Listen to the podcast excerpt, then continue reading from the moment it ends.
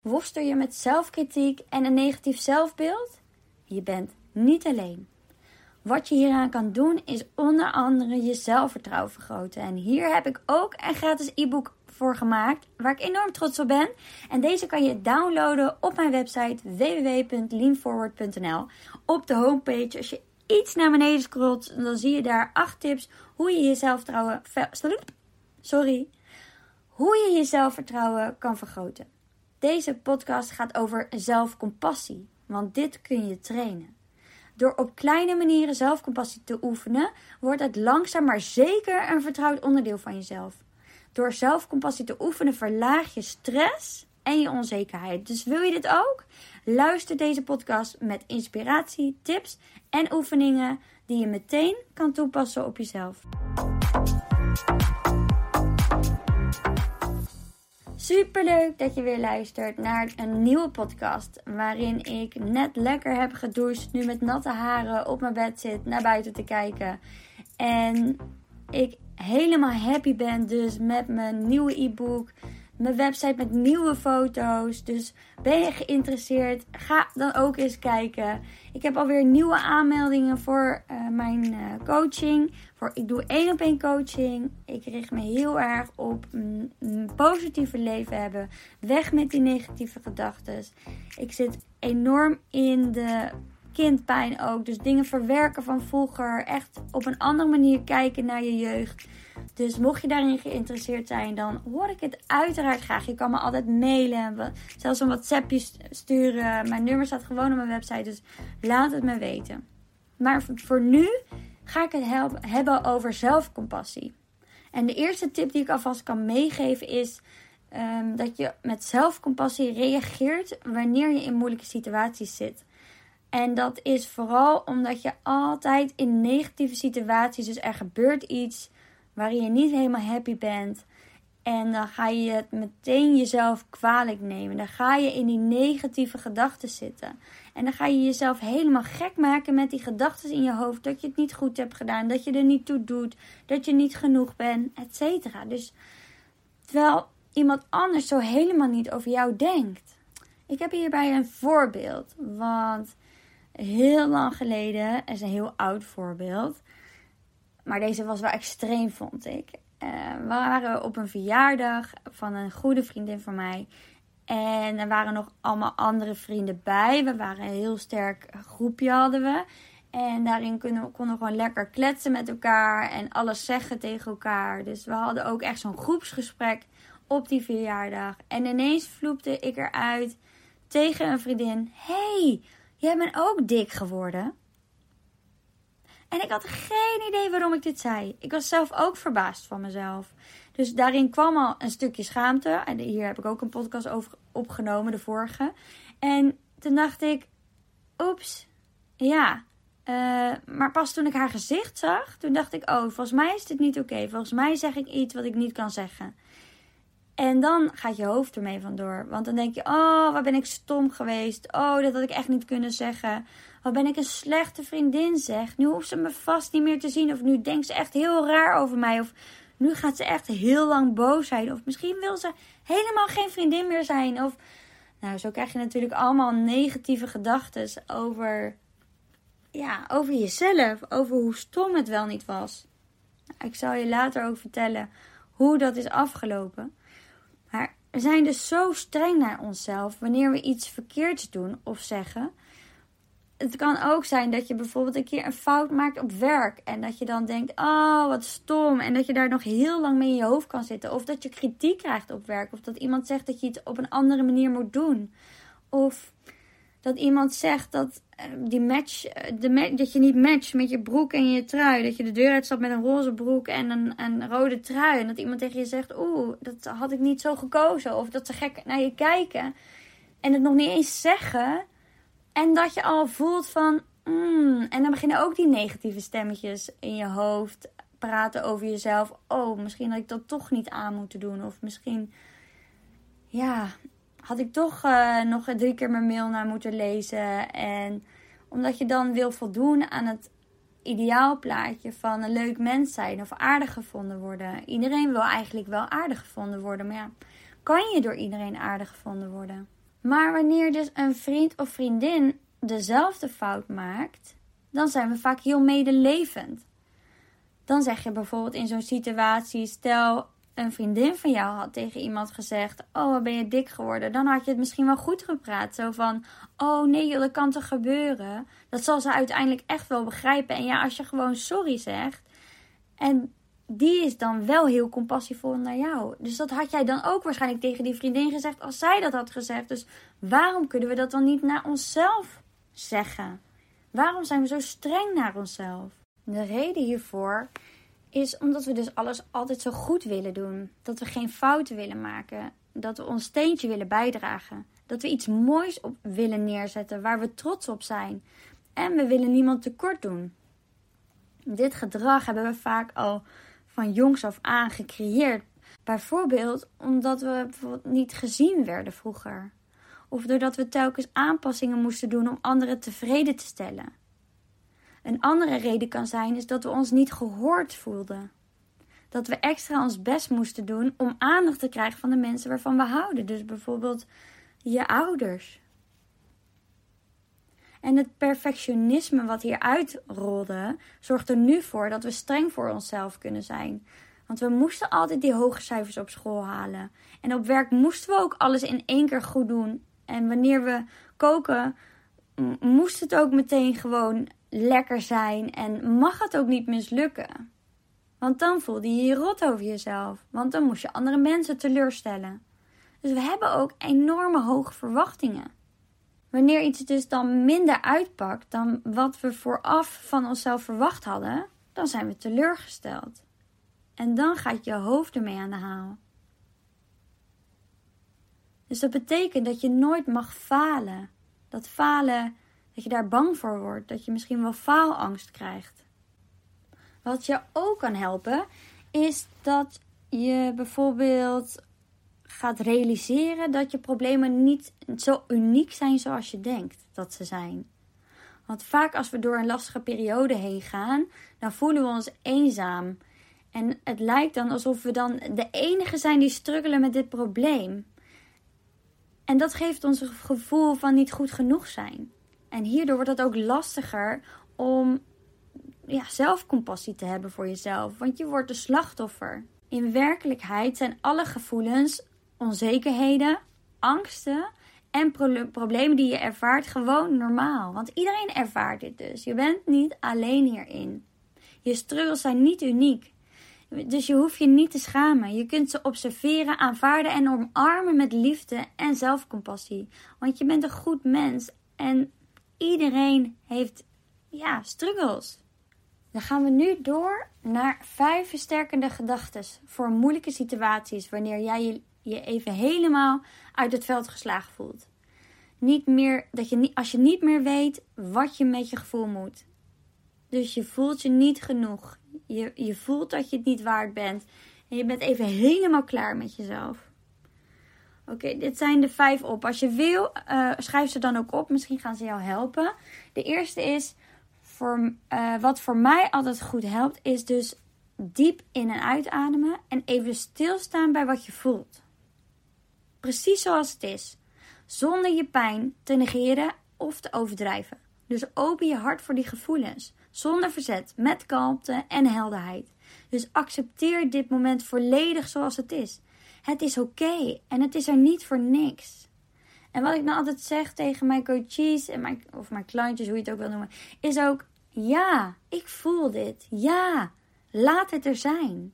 Ja, zeg ja tegen je gevoel. Dat klinkt misschien heel gek, maar we willen zo vechten tegen wat we voelen, omdat we denken dat het niet oké is als we dat voelen. Kijk, als je ouders vroeger heel veel hebben gezegd: liefie, stop maar met huilen. Of Nee dat hoef je helemaal niet zo te ervaren hoor. Dat vind ik een beetje overdreven. Of zij vonden daar iets van wat jij voelde, dan ga je dat ook uitzetten. Terwijl je dat wel zo ervaart. Dus dat gevoel moet eruit.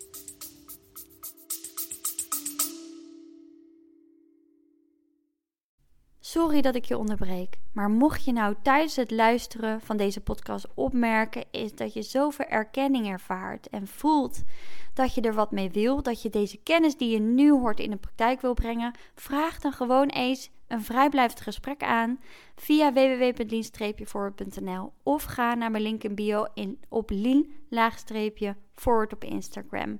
En dan kletsen we even over jouw uitdaging, je verlangens. Dan kan ik direct die rode draad eruit pikken waar jij mee aan de slag mag gaan. En dan kunnen we kijken en mag jou voelen of later beslissen zelfs nog of jij in eventueel het één, traject zou willen stappen. Dus wie weet ga ik je zien. Bedenk dat gevoelens komen en gaan. Dus moeilijke gevoelens gaan weer voorbij. Je bent niet je gevoel. Je hebt ze. En wat ik ook wel eens zeg, je bent niet je gedachten. Je hebt dus die gedachten. Dus als je in weerstand gaat en het tegen vecht, gaat je dus je hoofd ermee in de haal. Dus door ze te verwelkomen, door te zeggen ja, dan verdwijnen ze dus vanzelf. En dat gaat ook heel snel. Er is ook zo'n regel van binnen 17 seconden. Als je er niet op ingaat, dan verdwijnen ze gewoon weer. Dus dan hoeft er ook geen probleem te zijn meer. En het is heel normaal om die gedachten te hebben. Dus vraag je af, is de derde, vraag je af hoe deze situatie je, hoe je meer van deze situatie kan leren. Of hoe je andere mensen over deze situatie kan leren. En hoe je misschien wel meer compassie voor anderen kan geven. Bijvoorbeeld als je snapt waarom mensen doen wat ze doen. Hier heb ik ook een uitgebreide podcast over gemaakt. Over de positieve intentie van de mens. Ik dacht podcast 12. Maar als je snapt waarom mensen doen wat ze doen, dan hoef je daar ook niet over te oordelen.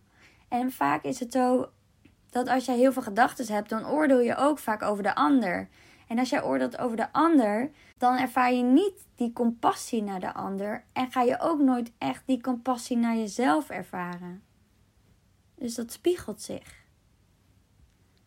De vierde is: wat zou een zorgzame vader of moeder tegen een kind zeggen? En dan um, rekening houden met dat je ouders willen dat een kind groeit en zich ontwikkelt. Want stel je zou een kind hebben, of misschien heb je wel kindjes net als ik. En ik heb twee jongetjes van twee en vier nu. En stel zij vinden zichzelf stom. Of in ieder geval die oudste zou dat al. Nou, hij heeft dat nog niet. Maar het zou kunnen dat hij dat binnenkort, hij zit op school nu, dat, dat hij dat gaat uh, vinden van zichzelf. Omdat ze bijvoorbeeld iets verkeerds hebben gezegd of iets fout hebben gedaan op school. Wat zou jij dan tegen je kind zeggen? En wat had je anders tegen jezelf gezegd? En wat ook helpt, dat is de vijfde, denk aan iemand van wie je houdt. Is je liefde voor die persoon opeens verdwenen als je deze fout maakt? Of uh, als die persoon een slechte dag heeft of er niet leuk uitziet. Dus waarom zou je wel streng over jezelf oordelen, over hoe jij eruit ziet? Of dat jij uh, een te grote neus hebt of uh, een buikje hebt. Terwijl je iemand anders, over iemand anders ook niet oordeelt als die een buikje heeft of een te grote neus heeft. Of, of doe je dat wel? Want daar ligt dan de pijn. En dit is een laatste oefening die ik nog met jullie wil delen. Um, deze oefening bestaat uit drie delen, drie vragen. En nu wil ik je vragen om al deze onderdelen eh, te doen en niet te stoppen halverwege. Als het lukt, mocht jij gewoon thuis zijn, pak dan pen en papier of je pakt je notitieblokje erbij in je telefoon. En de hele oefening, als je hem helemaal wilt doen, dan en er echt voor wil gaan zitten, dan ben je wel even bezig. Maar je kan nu even de highlights opschrijven en dan later wat meer verdieping geven aan de opdracht. Als je echt compassie wil oefenen. Want dit kan je echt trainen. En deel 1 is: alle mensen hebben wel een kant van zichzelf waaraan ze een hekel hebben. Waarvoor ze zich schamen bijvoorbeeld. Of waarvoor ze, waardoor ze zich onzeker voelen en niet goed genoeg dus. Dat is dat gevoel van vroeger eigenlijk. Dus het is een gevoel wat je kan onderzoeken, maar het is ook een gevoel wat je kan trainen. Het onderzoeken doe ik in mijn coaching, maar dit is wat je echt zelf kan doen. Dus dat zijn de gevoelens van mislukking of tekortschieten. En dat is een onderdeel van je leven geworden. En je zal nooit ja, helemaal volmaakt zijn, want mensen zijn dat gewoon niet. Dus richt je op één onderwerp of thema dat het ervoor zorgt dat je je tekort voelt schieten of waardoor jij een slecht gevoel hebt over jezelf. En ga hier iets over opschrijven. Dus de vraag is daarbij: waar heb je vaak kritiek op en hoe voelt dit? Dus kies dan één onderwerp. Ik ga even een voorbeeld geven. Voel jij je bijvoorbeeld gespannen, verdrietig onzeker, boos of bang over iets? En welke gevoelens komen er bij je op als je hierover nadenkt?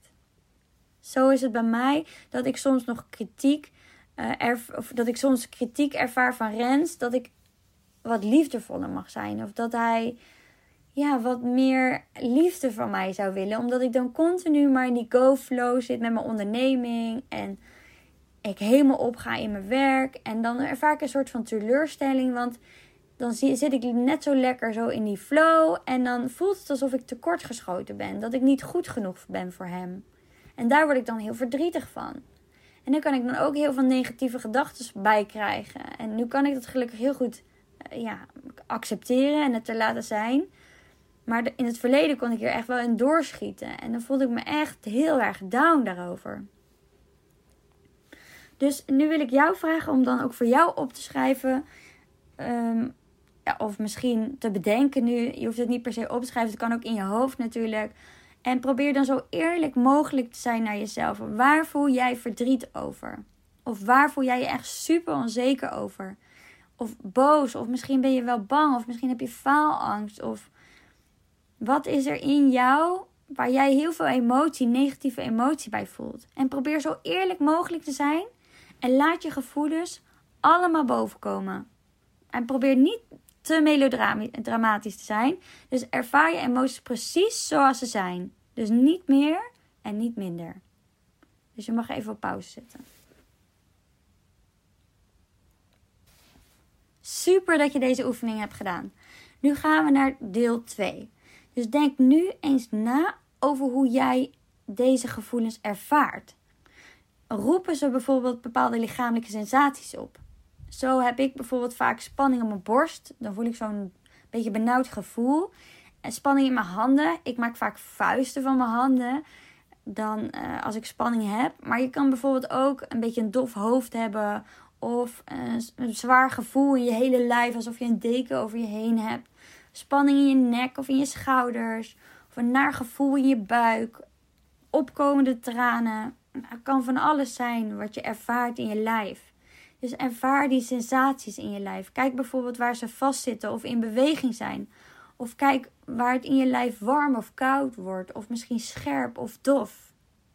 En probeer deze lichamelijke reacties nu zo neutraal mogelijk in een aantal zinnen te beschrijven. Of in je hoofd te, ja, te horen. In dit geval bij mij is het bijvoorbeeld als ik denk aan mijn angst om tekort te schieten en niet goed genoeg te zijn, dan voel ik een drukkend gevoel op mijn borst, benauwd en heb ik een zwaar gevoel over me heen, zoals een zwaar deken. Of misschien heb jij wel dat je, uh, dat je je spieren in je buik gaat aanspannen continu. Of een onrustig gevoel hebt daar. Met soms wat tintelingen die omhoog gaan naar je keel. Nou ja, wat is het dus voor jou als jij denkt aan waar je vaak kritiek op hebt?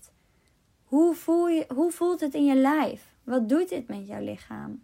Waar ervaar je dit? Waar ervaar je de spanning? Dus zet hem even op pauze. Deel 3. Stel nu een denkbeeldige vriend of vriendin voor die onvoorwaardelijk van je houdt en je accepteert zoals je bent. Stel je voor dat die vriend al je sterke en zwakke punten ziet, inclusief het aspect van jezelf waarover je ontevreden bent. Sta erbij stil dat deze denkbeeldige vriend van je houdt en je accepteert zoals je bent, met al je onvolmaaktheden. Deze persoon is wijs, kent de beperkingen van het mens zijn en is vriendelijk en begripvol tegenover jou. Hij of zij heeft in het verleden net zulke ervaringen gehad als jij. Hij begrijpt dat je geworden bent zoals je bent door je hele geschiedenis, de miljoenen dingen die in je leven zijn gebeurd, Bijvoorbeeld de scheiding van je ouders. Eh, de, de, manier waarop je bent opgevoed. Misschien wel de knuffels die je gemist hebt eh, in je leven. De liefde die je niet ervaren hebt van je ouders. Het kan van alles zijn. Misschien heb je nog wel andere dingen meegemaakt. En dingen in ieder geval waar je geen controle over hebt kunnen uitoefenen. Maar die je dus wel hebben gevormd tot wie je nu bent. Heb je die vriend of vriendin in je hoofd? Schrijf dan nu een brief aan jezelf vanuit het gezichtspunt van die denkbeeldige vriend. Dus richt je aandacht op dat stuk van jezelf waarover je ontevreden bent. Wat zou die vriend of vriendin tegen jou zeggen over dat onderwerp dat je zoveel leed bezorgt? Als jouw vriend of vriendin je zou voorleggen om te veranderen, vraag je dan af hoe hij dat zou formuleren om compassie en liefde uit te drukken. Terwijl je aan jezelf schrijft vanuit het perspectief van deze vriend, is het belangrijk dat je de volgende kernwaarden steeds in het oog houdt. En dus echt die meeneemt in het opschrijven van deze brief. Acceptatie, zachtaardigheid, zorg en betrokkenheid. Want dat zijn de kernwaarden die belangrijk zijn bij compassievol zijn naar jezelf.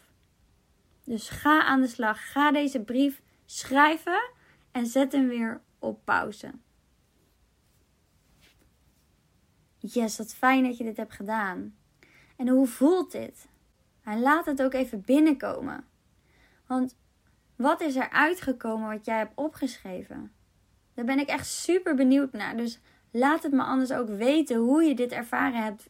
Door bijvoorbeeld mijn bericht te sturen, een persoonlijk bericht op Instagram, linla-forward. Of door me wel een berichtje te sturen via de mail of via wat maakt mij niet uit. Maar het lijkt me heel interessant om te horen wat dit met je heeft gedaan. Dus nog even om kort samen te vatten. Wat ik in deze podcast heb verteld, is dat je zelfcompassie dus kan trainen. En dat het begint bij het beoefenen van vriendelijkheid naar jezelf. Een houding van zachtheid en mildheid. Vooral wanneer je struggelt in, met moeilijke emoties of dat je in situaties zit waarin je heel veel negatieve gedachten hebt. Denk dan terug aan die vijf versterkende gedachten die je kunnen helpen, waaronder het stilstaan bij wat je voelt. En dat het dus oké is wat je voelt. En dat je mag voelen wat je voelt. En niemand keurt jou meer af nu wat jij voelt. En als ze dat wel doen, ja, dan is het dan hun. Dan hebben zij een trigger. Dat heeft niks dus met jou te maken. En herhaal die compassieoefening als je vastzit in negatieve gedachten over jezelf.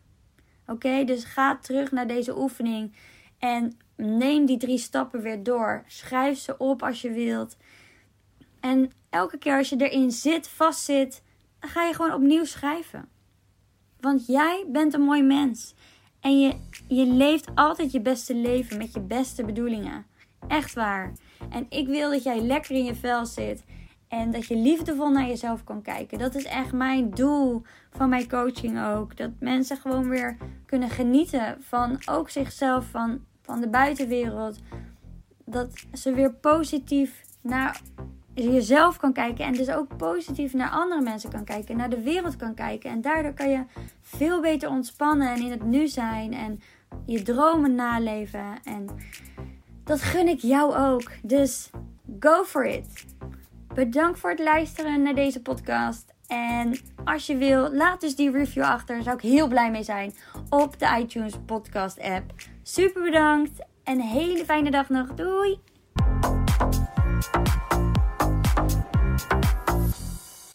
Dat je hebt geluisterd. Deel het op Instagram om ook anderen te inspireren en tag mij. Het zou mij enorm helpen als je deze podcast gaat volgen en als je een review achterlaat op iTunes via Apple Podcasts. Zo word ik beter vindbaar en kan ik daarom nog meer mensen helpen. Bedankt. Doei!